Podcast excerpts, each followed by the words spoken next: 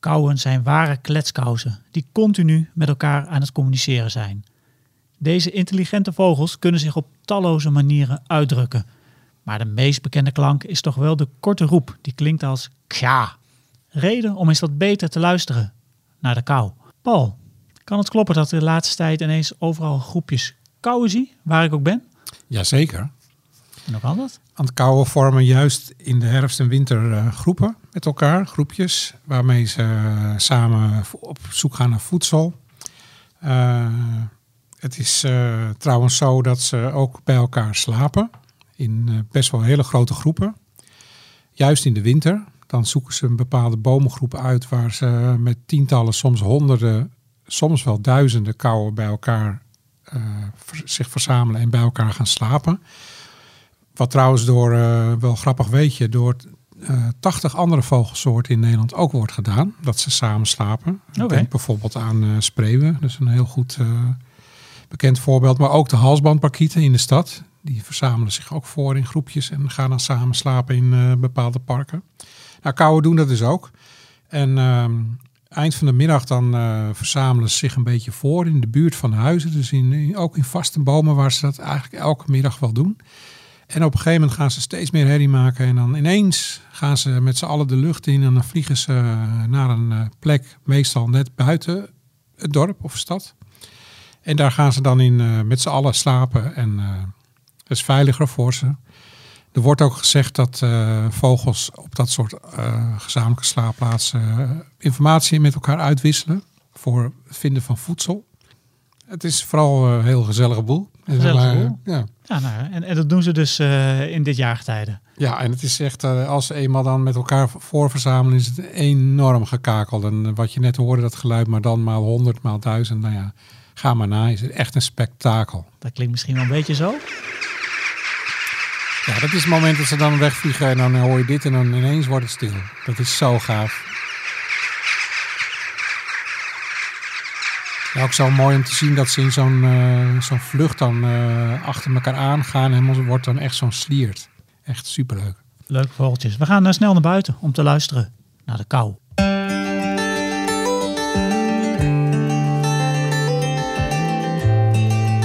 Roots presenteert Notenkrakers. De vogels fluiten buiten, wil je weten wie ze zijn? Kom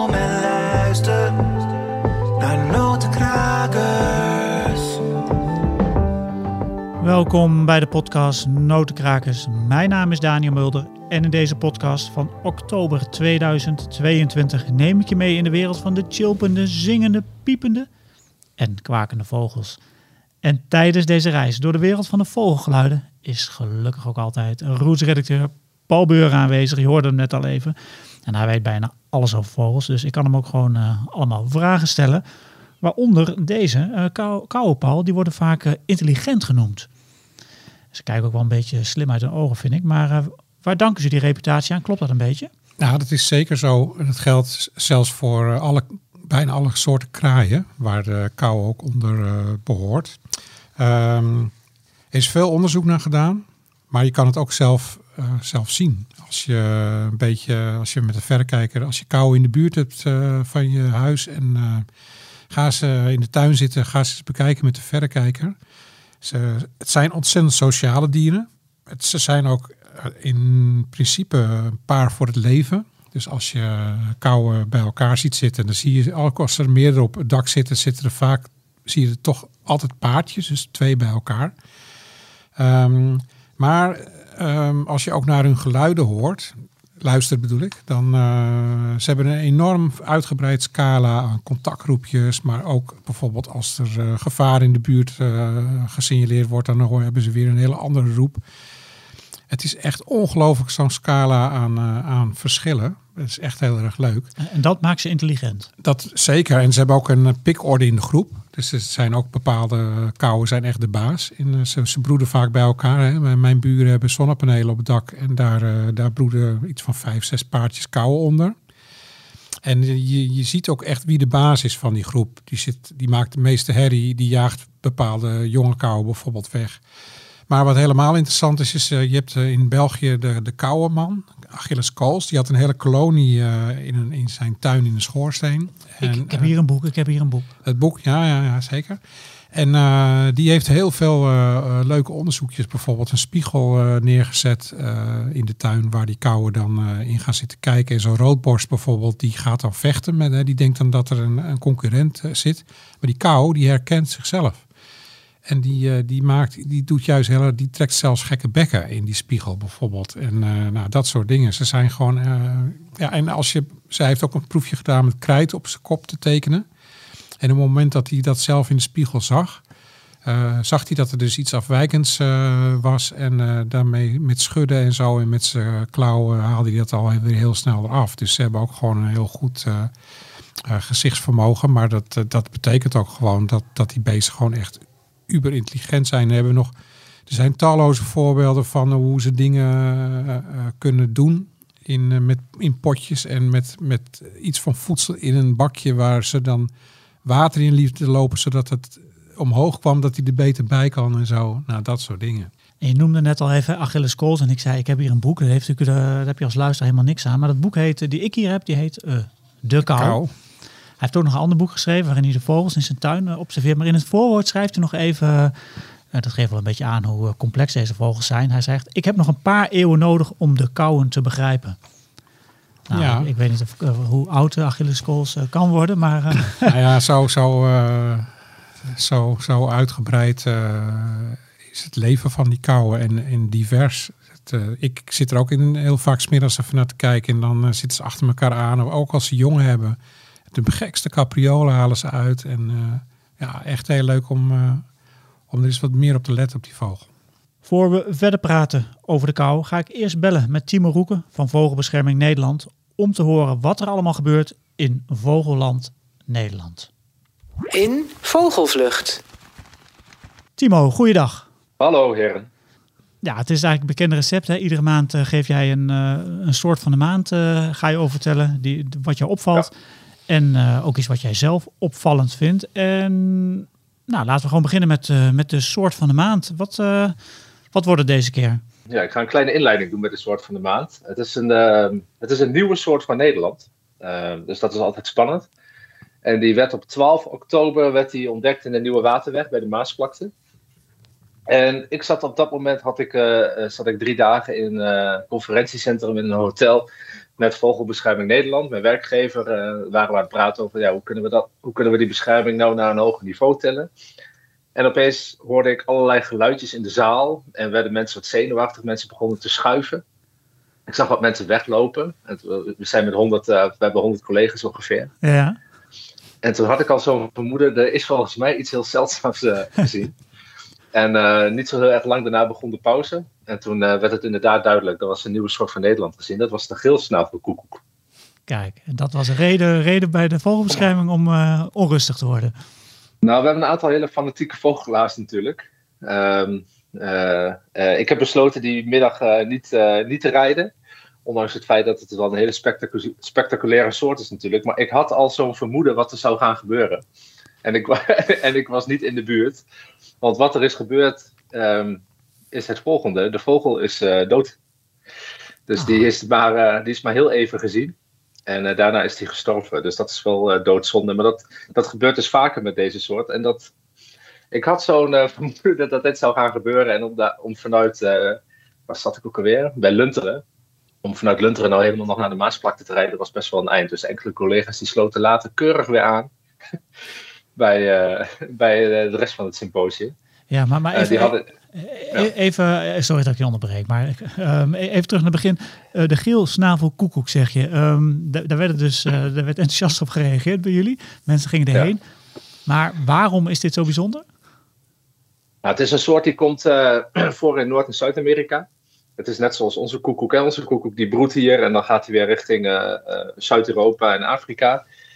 Eh, en dat is ook zo met de geelsnavelkoekoek. Die broedt in Noord-Amerika en aan het eind van het jaar, of eh, na het broedseizoen, vertrekt hij richting eh, Zuid-Amerika. Het is een, ehm, ja, een heel mooie, hele mooie, compacte vogel eigenlijk. Ik vind onze koekoek eh, wel wat mooier. Ehm, het is ook, hij is ongeveer de helft van onze koekoek, die geelsnavelkoekoek. En zoals de naam al doet vermoeden, is een deel van de snavel is, is geel. Ehm, En, hij, en, en die snavel krult ook wat naar beneden. En de ondersnavel is dus geel. En het witte, hij heeft een beetje een wittige keel. Dat loopt helemaal over eh, via de borst, helemaal naar de onderkant. Dus de onderkant is eigenlijk zo goed als wit. Ja, ja het is, ik heb de soort in de, in de Verenigde Staten vaker gezien. Het is, een, eh, ja, het, is het is een mooi vogeltje, maar het grote probleem is, is het eten. Ehm, want de soort leeft van hagelrupsen. Van die grote hagelrupsen, zoals uh, Meriansborstel bijvoorbeeld. En dan, dan de variant in de Verenigde Staten, maar dat is een voorbeeld van een hagelrups. Ja, maar als je op dit moment in oktober hier in Nederland komt, ja, dan kun je wel raden, Daniel, hoeveel hagelrupsen we hier nog hebben. Ja, dat zijn, dat zijn er niet veel inderdaad. Maar hij is, uh, of deze vogel, die is, die is wel een heel eind uit de richting dan. Hoe ja, komt hij en hier? dan is het altijd. Ja, dat is een goede vraag. We hebben natuurlijk een aantal flinke stormen gehad in de Verenigde Staten. Waarvan de ene hele flinke. Dus dat kan een reden zijn dat hij de zee is opgeblazen. Uh, vanuit daaruit is gevlogen. maar er is ook een theorie, dat is de ship-assisted uh, uh, theorie. En dat betekent dat ze ergens op een schip zijn gaan zitten. Dat kan nog steeds na zo'n storm zijn. En dat hij dan varend, al varend hier richting Nederland is gekomen. En bij Rotterdam misschien aan is gekomen in de haven. En toen naar de Maasvlakte is gegaan. Oké, okay, en, en, Paul, welke theorie, welke aanhanger, theorie aanhanger ben jij? Nou, je kan overal uh, aanhanger van zijn, maar ik had hem heel graag willen zien. oh, jij bent de, de zien-aanhanger, maar, maar, je hebt hem dus niet gezien? Nee, het is, het is sterker nog, hij was binnen drie kwartier in het water. En uh, nou ja, daar kun je over discussiëren of dat door de vogelaars die erachteraan renden uh, fotografisch gebeurt. Zij beweren van niet. Maar uh, eerst zat hij heel stil in een bosje en als daar geen vogelaars waren geweest, dan had hij waarschijnlijk misschien nog wel in het bosje gezeten. En was hij daar naar beneden gevallen? Want uh, dat hij zou zijn uh, gestorven, dat, dat was zeker. Maar mm -hmm. hij is op de een of andere manier in het water terechtgekomen. En uh, dan wel door een zilvermeeuw die hem aanviel. dan wel doordat hij zelf gewoon naar de overkant weer terug wilde vliegen of zo. Maar hij was heel snel de overleden helaas. Ja, maar dat sowieso, Timo, hij had het sowieso niet gehaald in Nederland. Nee, nee, denk ik niet. Nee, en hij is wat, wat wel weer ja, het is een beetje triest, hè? Je bent heel erg enthousiast natuurlijk dat zo'n zeldzame nieuwe soort hier in Nederland terechtkomt. In Groot-Brittannië zijn ze vaak, worden ze vaker gemeld. En dan is het wel een beetje een verdrietig verhaal dat zo'n beest eigenlijk redelijk kansloos is op het moment dat hij hier aankomt. Hij is ook opgenomen nu in de collectie van Natuurhistorisch, of, ja, Natuurhistorisch Museum van Rotterdam bij Kees. Dat soort, ja, dus als het goed is, is de vogel over een tijdje misschien wel in een collectie te, te zien. Dat is wel leuk. Oké, okay, dus de geel, ja. geel snavelkoekoek heeft een, uh, een triest einde gekend. Maar het is überhaupt een soort die wij, uh, die alle vogelaars uh, een keer zouden willen ontdekken. Het is een soort waar we al jarenlang op wachten. Omdat ze in Engeland al meer dan 90 gezien zijn. Weet je, ja, Engeland ligt gewoon tussen ons in. Dus dat is. Mm -hmm. Als we dat land een keer kunnen laten zinken, dan krijgen we er veel meer. maar dat maar, zal denk ik niet gebeuren. Daar zijn ze zelf mee bezig volgens mij. Ja. Um, Timo, jij gaat ook altijd nog even iets uh, in op een soort of op iets anders. Wat jij zelf opvallend vindt uh, deze maand. Wat is dat geworden?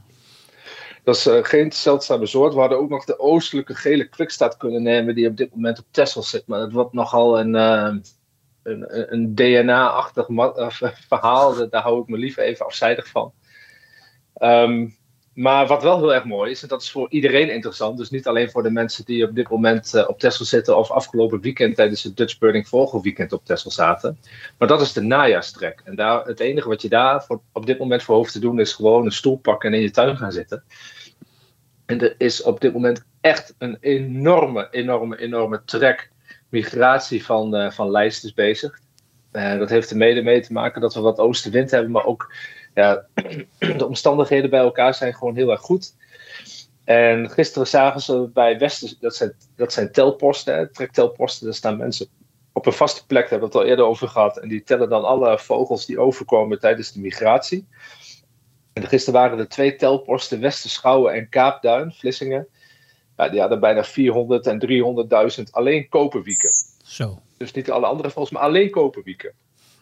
En Paul die vertelde het net ook al, het, het, het, mooiste van trek is als het zoveel is en de omstandigheden zijn goed. Ik heb dat zelf ook een paar keer gehad. Maar dan met kepen en vinken, dan, dan trekt het niet hoog over. Uh, dat is op zich ook al spectaculair natuurlijk. Duizenden vogels die alleen maar overvliegen. Maar dan, dat het ook echt op ooghoogte voorbij komt, zeg maar. Ja, dat is echt, echt heel spectaculair. En dan besef je gewoon dat, dat je een schouwspel aan het uh, zien bent ja, dat eigenlijk wereldomvattend is. Want er zijn zoveel vogelsoorten die natuurlijk eh, op migratie gaan naar hun broedseizoen. En ja, ik vind dat spectaculair om te zien. Ik, ik heb liever een dag met 400.000 uh, koperwieken op ooghoogte langs dan een geelsnavelkoekoek. Kijk, dat is een mooi statement. Maar je zegt net, uh, pak je tuinstoel en ga, ga kijken. Maar je noemt net, net twee voorbeelden die aan de kust zijn volgens mij.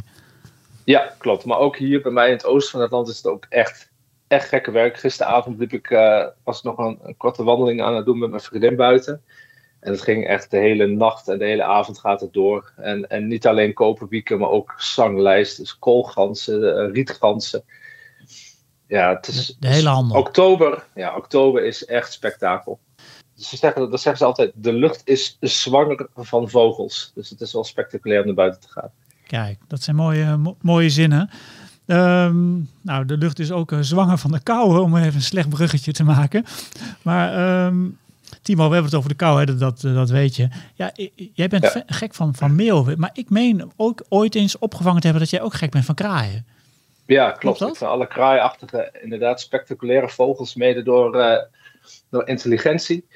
Uh, maar ook door een soort van verborgen schoonheid. Alles lijkt zwart, maar als je daar wat, uh, wat beter naar kijkt, dan is dat verre van de waarheid. We hadden het met Paul al even over die intelligentie, maar heb, heb, weet jij er nog iets, heb jij er nog iets over te zeggen? Zijn ze echt zo intelligent?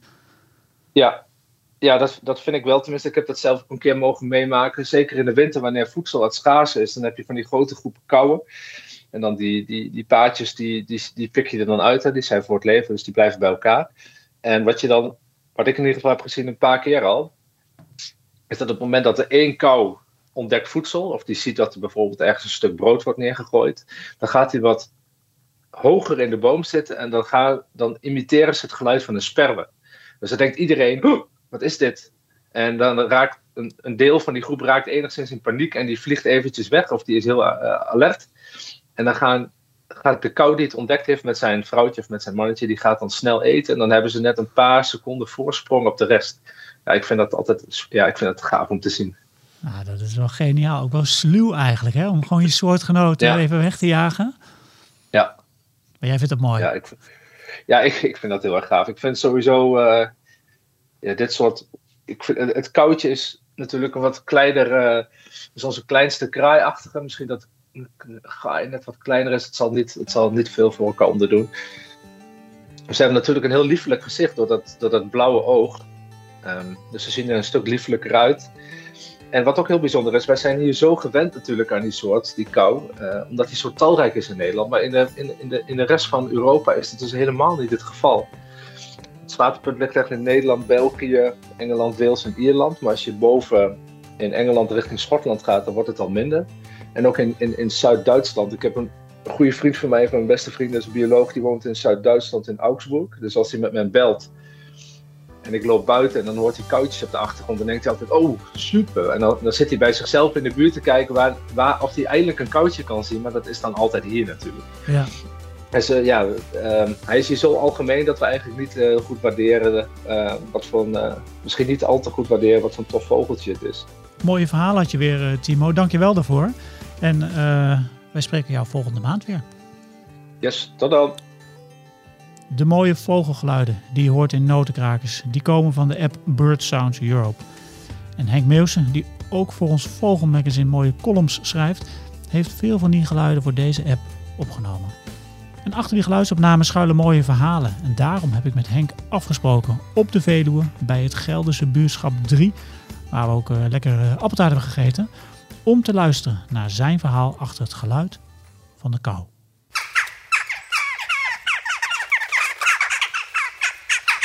Henk, wat hoor jij hier allemaal? Slimme vogel. Het is echt een slimme vogel. Misschien mag je wel zeggen een sluwe vogel, een gehaaide vogel. Want uh, ik merk dat bij het opnemen, ik ochtends vroeg bezig ben, dan heb je dus, uh, ik zou bijna zeggen mannen met parabool, maar dat is er meestal maar één. Maar vaak ook mannen met een hond, s ochtends vroeg, want uh, de hond moet ook een keer uitgelaten worden. Een man en een hond, daar, uh, daar hebben die kouwen geen boodschap aan. Maar iemand met een parabool, dan hebben ze volgens mij al door van, hé, hey, dit is anders dan anders. En als ze dan zo van die koudjes bij, op zijn schoorsteen zitten in de stad en ze zitten druk te roepen, Als stil blijft staan, dan hebben ze iets in de gaten. En als een parabool omhoog gaat, zijn ze weg. Ik heb het idee dat die, die kauwen hebben volgens mij een heel goed gevoel voor omgeving. Ze kennen hun omgeving goed en ze weten meteen wanneer er iets anders is dan anders. En die parabool voor mij is echt wel anders dan anders. Dus het is wel heel knap dat je het hebt op weten te nemen. Nou ja, dat is dus nog niet zo makkelijk. Eh, Soms is het zo dat ja, als je geluk hebt, dan, dan eh, ja, ik heb vaak wel last van ritselend blaadjes en zo. Maar dat is ook een goede plek voor mij om te verschuilen. Dus als ik aankom lopen en ik zie daar in de vette, daar zitten die koutjes en ik kan onder de kronen blijven, zodat die koutjes mij nog niet helemaal door hebben. Dan lukt het wel om, om door de tak of door het blad heen zo'n opname te maken.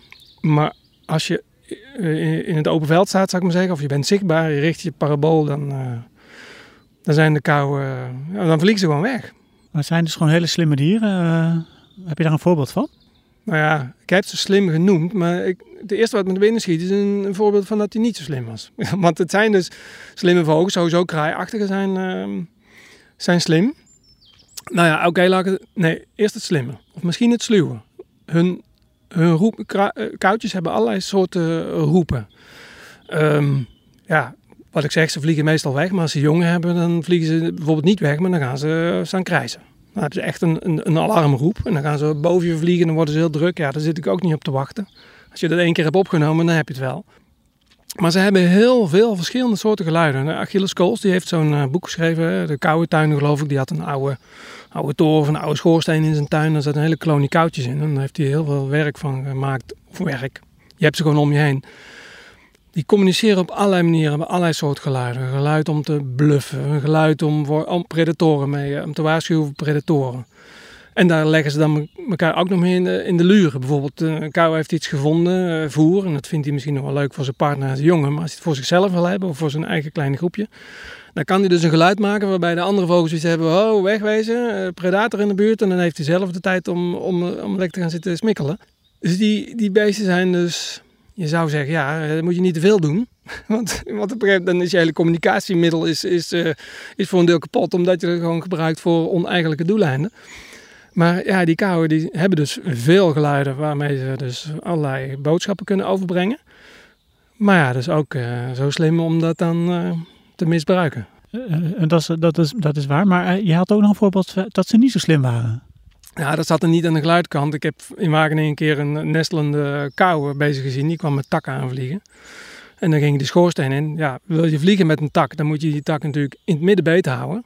Dan is je mooi in evenwicht. Maar dan kom je bij je, bij je schoorsteen en dan moet hij erin. Nou ja, die kauw die presteerde dus elke keer om te proberen die tak gewoon zo hop, horizontaal houdend in die smalle schoorsteen te krijgen. Ja, dat lukt natuurlijk niet. Maar dan wist hij wel, oh, ik moet hem overpakken bij het puntje en dan krijg ik hem erin. Maar ja, elke keer als hij langskwam met die takken, mooi in evenwicht, kwam hij aanvliegen. Wil hij dat in die schoorsteen stoppen? Uh -uh, past niet. Oh nee, ik moet hem overpakken. En dat kreeg je niet door. Dus ik heb nooit gezien dat hij meteen al bij het landen dacht, ik moet hem bij het puntje pakken, kan ik meteen in. Dus toen dacht ik, zo slim zijn ze nou ook weer niet. Nee, dat, eh, dat, is inderdaad niet zo'n heel goed voorbeeld. Maar, ehm, of eigenlijk wel een goed voorbeeld. Maar wat ik, eh, voor we deze podcast gingen opnemen, hebben we eventjes samen aan tafel gezeten bij Boshuis 3. Dat is voor de luisteraars misschien wel een bekende plek op de Veluwe waar je ongelooflijk eh, lekker appelgebak kunt eten, zijn we achter. Maar toen vertelde je nog een bijzonder verhaal over de kou en hoe, toen jij jong was. Ja, dit was, ehm, oké, pijnlijk verhaal. Ik, ik weet niet hoe oud ik was, misschien een jaar of 10, 11, 12, hooguit. Ehm ik had een tamme kou. Ik heb een beetje een fout verleden, zou ik maar zeggen. Want met een neef gingen we eens vogelnesten uithalen. Nou ja, oké, ik hoop dat ik dat uiteindelijk goed heb gemaakt met mijn enthousiaste verhalen over natuur. Maar ik had een kou, ik tam gemaakt. En die kon nog net wel, net niet vliegen. En ik had een fiets met een voorrekje. En hij zat op dat voorrekje. En ik kwam van mijn oma vandaan. Die woonde 300 meter verderop in de straat. Ik kwam van mijn oma vandaan. Ik fiets op nou, een klinkerweggetje terug naar huis. Ik hoorde een auto achter me aankomen. Ik denk, oh, wel een beetje aan de kant. Straks schrikt hij van de auto en uh, weet ik zelf, vliegt hij weg. Uh, komt hij onder de auto terecht. Ik kom iets te dicht bij de rand van de weg. Ik kom met mijn fiets in de berm terecht. En dat was ongelijk. Dus ik hobbel een beetje. Dat koutje valt van dat voorrekje af. Nou ja, dat kan gebeuren. Maar hij valt onder mijn achterwiel. En ik rij met mijn achterwiel van mijn fiets over dat koutje heen. Dus ik pak dat beest op. Ik ga naar, naar, naar binnen. Ik wist ongeveer wel wat er gebeurd was. En ik leg hem op de keukentafel. En ik vraag aan mijn moeder, is hij dood? Mijn moeder zei, ja, die is dood. En ik vertel het nu natuurlijk met een beetje met een lach. En ik heb er gelukkig geen trauma aan overgehouden. Maar ja, dat is wel eh, een pijnlijk verhaal. Ja, het is wel een heel, heel droef verhaal inderdaad. Maar je hebt het ruimschoots uh, goed gemaakt hè, met je mooie vogelgeluiden-app bijvoorbeeld die je, die je maakt. Nog even één ding over het geluid van de kou. Uh, als je individueel hoort, dan, dan, is het natuurlijk een mooi geluid. Maar je hoort ze ook vaak in enorme groepen. Dan is het bijna herrie zou ik willen noemen. Ja, afhankelijk van hoe groot de groep is. De eerste mooie kuitjes vond ik die ik opnam in Nederland was in Twente. Ik ging voor de middelste bond specht, maar eh, die was niet gelukt. Die was überhaupt niet te vinden. Maar daar zat gelukkig gewoon, ik zou bijna zeggen zoals het hoort, zoals hier in een beukenbos met eh, veel holtes in de bomen. Daar zat een kolonie kauwen. En kauwen zijn echt kolonie, uh, koloniebroeders. Die zoeken elkaar op, die zitten altijd vaak bij elkaar. Dus in zo'n kolonie, in zo'n bos, dat levert een fantastisch mooi geluid op. zoals bij de merel, het galmt een beetje, het klinkt echt gewoon, het is een mooie groep. Maar ze kunnen ook, uh, ja, ik heb in Wageningen opgenomen, een slaapplaats. Dan gingen ze eerst met duizenden tegelijk, uh, zaten ze op de studentenflat. En als het dan echt donker genoeg was, dan vlogen ze naar het bos in de buurt.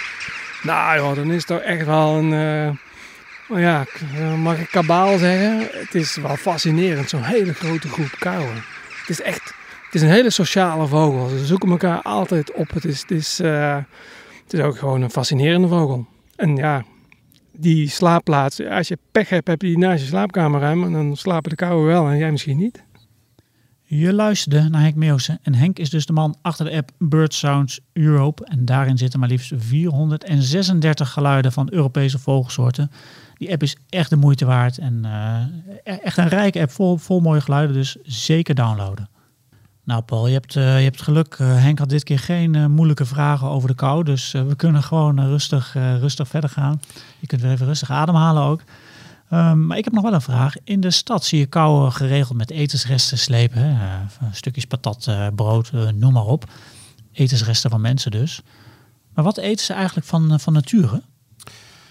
Nou, ze, ehm, je ziet ze vaak op grasveldjes, hè, gazonnetjes of op straat een beetje rondlopen. het is altijd wel grappig gezicht. Ze lopen echt. Je ziet ze echt zo, niet hippen, maar echt gewoon lopen. En dan ondertussen zie je het kopje een beetje heen en weer gaan. Dus ze luisteren wat ze horen.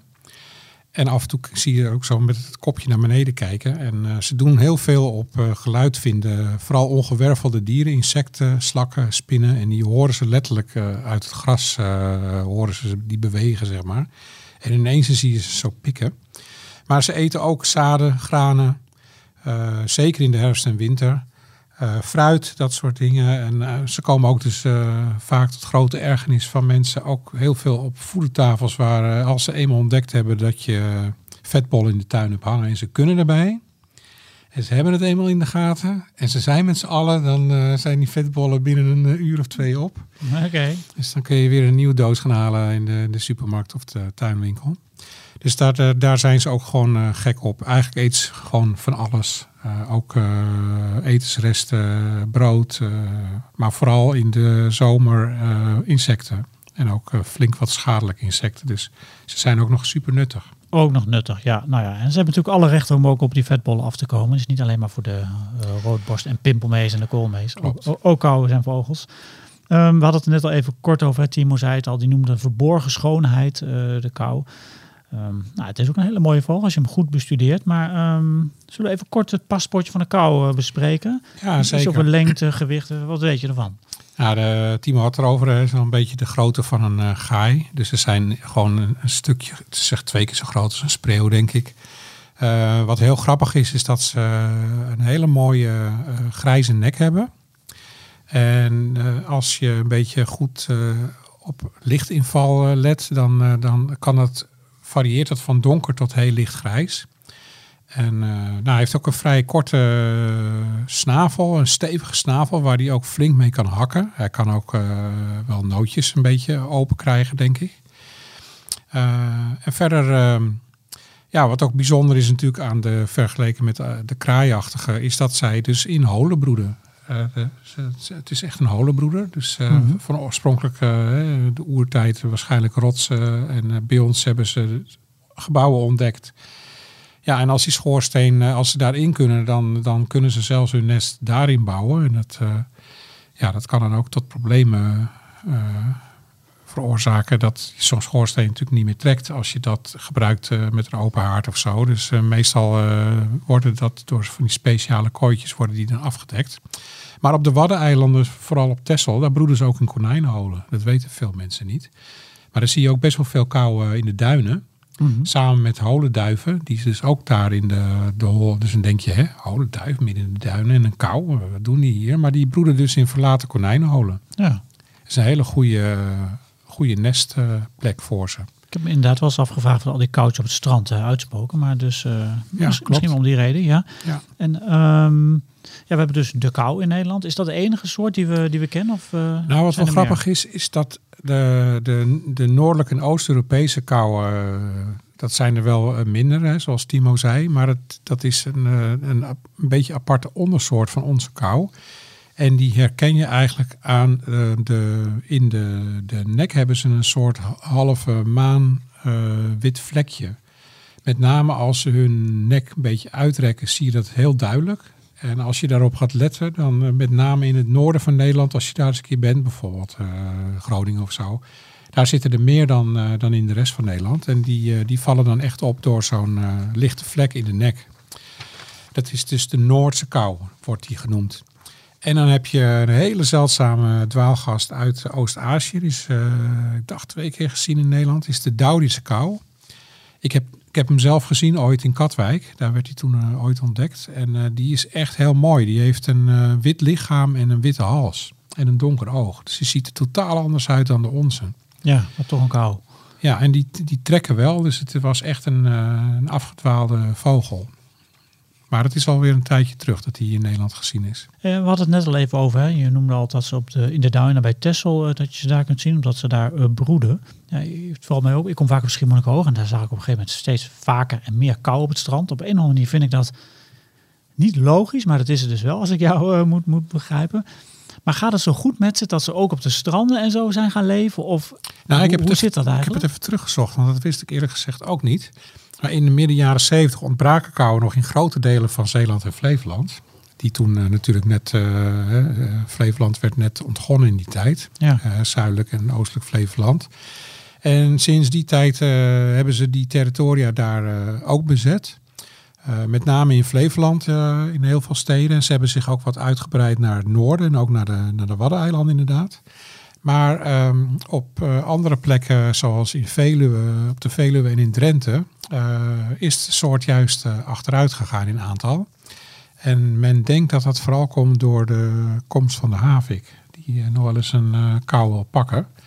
En als ze dan weten van het gevaar, dan zijn ze slim genoeg om daar weg te gaan. Dus je ziet eigenlijk meer kou in het westen en het noorden dan in het oosten, zeg maar. Heb je nog een paar leuke weetjes paraat? Nou, wat wel grappig is, is dat ehm, eh, je, als je een dakgoot hebt, dat ze vaak eh, heel erg hard met hun snavel tegen de rand van die dakgoot aan eh, tikken en slijpen. Met, de- daarmee slijpen ze hun snavel. Aha. Dat hebben ze blijkbaar nodig om die goed scherp te houden. Maar dat hoor je echt zo tak, tak. Of dat doen ze dan heel vaak op een dakgoot of op een steen. En ehm, wat ook grappig is, is dat eh kauwen dus ook wel vaak jarenlang in dezelfde schoorsteen hun nest maken. En dat er eh, nesten zijn aangetroffen die na een aantal jaren vijf tot acht meter hoog eh, gemaakt zijn. Dus dat is ook wel is, eh, Vind ik wel bizar. Ja. Dus als je dat in je schoorsteen hebt en je bent een paar jaar niet in het huis geweest en je denkt van ik, ik steek eens even die haard aan, dan heb je wel een probleem. Dan kun je de brandweer bellen. Ja, waren dat je weetjes? ja dat De koude weetjes? waren een paar leuke, leuke weetjes. Nou, wil je nou nog meer weten over vogels? Roots brengt twee keer per jaar het Vogelmagazine uit. En deze krijg je bij een jaarabonnement op Roots. En eh, het nieuwe najaarsnummer die is nu ook eh, los te bestellen trouwens via onze website rootsmagazine.nl. Nou, wil je nou nog meer lezen over vogels? Dat je denkt, ik krijg er geen genoeg van. Nou, Paul heeft, een- heeft zelfs een heel boek erover geschreven. Vogels in onze tuin heet het. En ehm nou, er staat boordevol informatie over, over vogels. En de aquarellen zijn gemaakt door de kunstenaar Erik van Omme. En nu ik dit allemaal zo zeg, Paul, ik zie het boek ook in de verte liggen. Staat, staat er koude nou eigenlijk ook in of niet? Of weet je dat? Weet je dat? hoofd? zeker, ja, zeker. Oh, Ik heb inderdaad, ja. eh, eerlijk gezegd altijd een beetje een, eh, een haat-liefde verhouding met die vogel gehad. Omdat ze toch wel heel veel herrie maken. Maar eh, ja, elke keer als je er toch weer wat beter naar gaat kijken. En eh, dan eh, is het toch wel weer een waanzinnig leuk beest. En eh, er staan heel veel weetjes, onder andere over die kou in het boek. Maar ook, eh, ook van 36 andere vogels die je in de tuin eh, kan zien. Ah, Dus een aanrader. We gaan over naar eh, de vogelvraag. In deze rubriek stellen luisteraars vragen over vogels. Wat een vraag! Ja, Paul, ik heb een vraag binnengekregen van de heer of mevrouw Poelstra. Een bijzondere vraag eigenlijk wel, want die zegt... Ik heb wel eens begrepen dat zelfs vogelaars een hekel hebben aan exers. Klopt dat? Ja, daar, daar zit ook natuurlijk een heel verhaal achter. De, de ekster, eh, wordt, ik word heel vaak aangesproken door mensen in mijn omgeving van eh, die, eh, die roteksters. De laatste tijd, eh, je ziet ze steeds meer en het worden er steeds ve- veel. En die, ze eten al onze vogels in de tuin op. Dus daarom zijn ook heel veel vogelaars eh, die niet zo blij met die ekster. Eh, er zijn veel misverstanden over. Ik kan er een heel boek over schrijven. Maar dat gaan we voorlopig nog niet doen. Eh, want we hebben net een boek over tuinvogels. Precies. Maar eh, nee, ze, de, A, het fabeltje dat ze alle jonge vogels opeten is gewoon niet waar. Er is gewoon eh, onderzoek naar gedaan.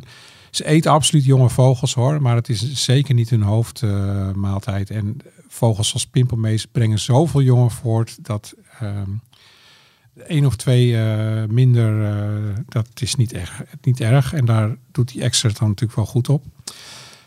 Het gaat helemaal niet zo goed met die extra. Sterker nog, eh, hun aantal is gehalveerd. Maar wat dus wel zo is, is dat ze ook die extra, net als de kou, wat meer naar de stad getrokken is. Dus je ziet eh, relatief gezien in de steden meer extras dan vroeger op het platteland. Ook dat zal veroorzaakt zijn door eh, de, de toename van de havik, want die, die pakt echt extras. Want extras zijn op zich helemaal niet zulke hele grote vogels. Maar wat ook grappig is, dat wist ik zelf ook niet, is dat jonge extras vormen groepen. Eh, en dat doen ze tot een jaar of drie dat ze oud zijn. En dan zwerven ze gewoon een beetje in de omgeving rond. Ik zie weer inderdaad best wel vaak groepjes. En het zijn dus allemaal jonge vogels die eh die eerste twee, drie jaar nog niet broeden. Maar eh, gewoon dan zelf aan de zwerf gaan en eh, op zoek gaan naar voedsel. ja. Nou, ze eten echt heel veel eh, insecten en dat soort dingen. En, eh, maar relatief heel weinig eh, kleine vogeltjes. Dus het kan geen kwaad dat er wat meer extra's bij je in de buurt zitten. ja. Maar, maar ehm, wat volgens misschien ook een reden is, is, is, eh, is dit. Ze maken heel veel herrie. Ze maken wel een geluid, toch? Ja. Ja, wat trouwens wel een, nog een heel klein leuk weetje over de extra is. Stel, het wordt straks kouder. Nu nog niet, want de komende dagen wordt het alleen maar warmer. Maar het wordt in de winter, eh, als, het echt, als er een koude periode aankomt, dan zien die, voelen die extra's dat eh, als eerste aan. En op het moment dat die extra's hun nest eh, dicht, dichter gaan bouwen, dus dat je ze met takken in de winter ziet vliegen, dat ze het, het groter en dikker gaan maken, dan kan je er van donder op zeggen dat, het, dat er een koude periode aankomt. Zij voelen dat feilloos aan. Hm, Oké. Maar even concluderend. Vogelaars, hebben die nou een hekel aan exes of niet in één woord? Nou, volgens mij valt het wel mee. Valt er mij iets meer woorden, maar toch. En ze zijn ontzettend mooi om naar te kijken, echt. Prachtige vogels ook. Als ze opvliegen ook, hè, die staart. Ja, het is Blauw eh, toch, zoiets? Waanzinnig. Blauw, groen, paars, alles zit erin. Nou, mooi. Bedankt voor je, voor je antwoord, Paul. En nou, mocht je nou ook een lezersvraag hebben, het maakt niet uit waar het over gaat. Mail het naar info.rootsmagazine.nl En Paul die gaat die vraag eh, mooi beantwoorden. Notenkrakers.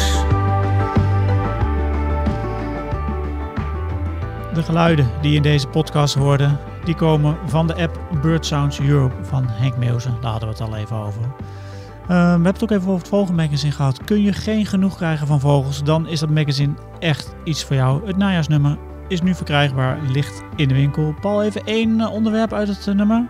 Steppenkiekendief bijvoorbeeld. Superleuke nieuwe soort. eh, broedvogel in Nederland. Ook een enorme aanwinst. En je krijgt het vogelmagazine, ja, je kunt hem dus loskopen, maar je krijgt hem ook bij een abonnement op Roots. En eh, dan heb je Roots en het vogelmagazine. Ik zou zeggen, wat wil je nog meer? Ehm, ja, en we gaan natuurlijk ook een, eh, een volgende podcast maken. En eh, Paul, jij mag altijd even een beetje onthullen waar, Ja, dat is denk ik een van de meest genoemde wenssoorten tijdens onze vogelweekends in het voor- en najaar. Het baardmannetje. Het baardmannetje. En klinkt die wellicht zo? Jeppe de Dep. Dat is een baardmannetje. Absoluut. Vind je het een mooie vogel? Ja, het is een van de mooiste vogels van eh, Nederland en omstreken.